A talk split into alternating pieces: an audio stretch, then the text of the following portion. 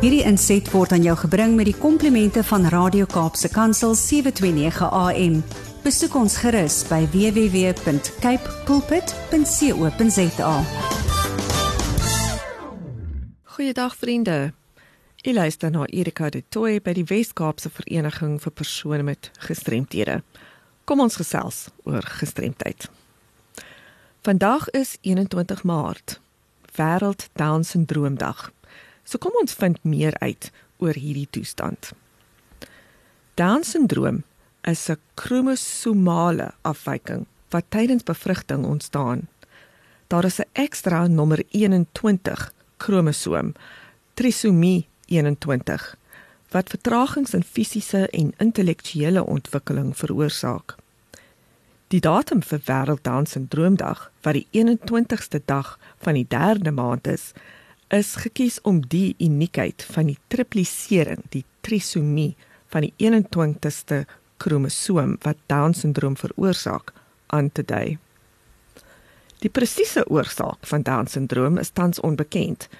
Dit hou glad nie verband met ras, ouderdom, godsdiens en sosio-ekonomiese status nie en is een van die kromosomale versteurings wat die meeste voorkom.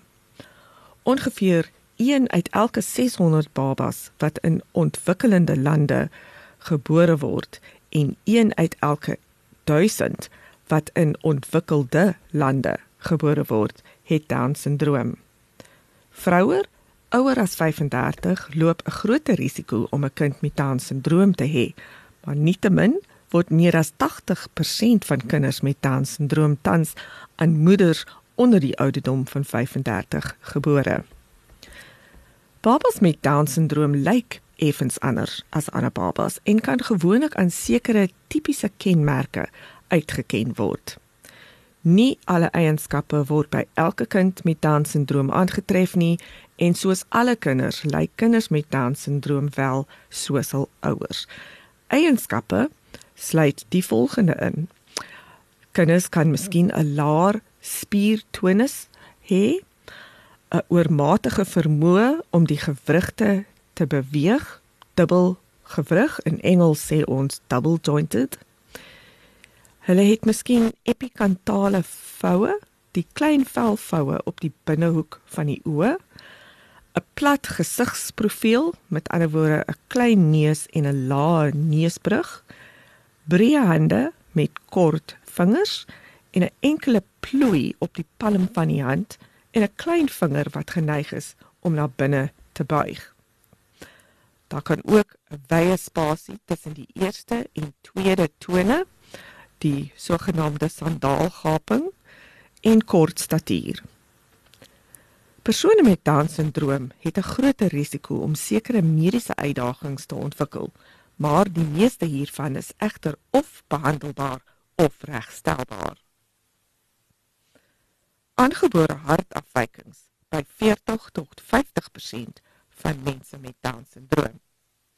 8 tot 12% het gastro-intestinale kanaal abnormaliteit by geboorte, meestal reggestel deur chirurgie. Gehoor kan aangepas word in tot 65% van persone met Down syndroom. En visieprobleme kom by omtrent 50% van mense met Down syndroom voor. Die persoon kan dalk 'n swakker immuunstelsel en kan as gevolg hiervan meer geneig wees tot verkoues, infeksies en maagversteurings wees as ander. Die neusgange van 'n baba met Down syndroom is nou en kan maklik geblokkeer wees. Die neus, keel en bors is veral vatbaar vir infeksie. En dan is daar ook baie keer 'n abnormale skildklierfunksie. Soos ek al genoem het, is dit belangrik om daarop te let dat nie alle individue met Down syndroom al hierdie gesondheidskomplikasies sal hê nie. Down syndroom self kan nie deur spesiale medisyne of mediese ingryping voorkom word nie, aangesien dit deur 'n verandering in die kromosome veroorsaak word. Hierdie verandering kan ook nie in 'n individu met die verlies omgekeer word nie. Down syndroom is 'n onomkeerbare toestand. Maar daar is egter baie wat gedoen kan word om te help dat die persoon tot sy of haar maksimum potensiaal kan ontwikkel. Vroeë intervensie en stimulasieprogramme is ontwikkel om die kind aan te moedig om sy volle potensiaal te bereik. Dit is baie belangrik om te besef dat kinders met Down-sindroom met baie eienskappe en vermoëns gebore word. Dit is aan die ouers en versorgers om toe te sien dat dit ten volle ontwikkel word. Mense met Down-sindroom vind baat by liefdevolle huise, toepaslike mediese sorg, vroeë intervensie, opvoedkundige en beroepsdienste. As gevolg van bevorderde mediese sorg het die meerderheid mense wat vandag met Down-sindroom gebore word, 'n lewensverwagting van ongeveer 55 jaar.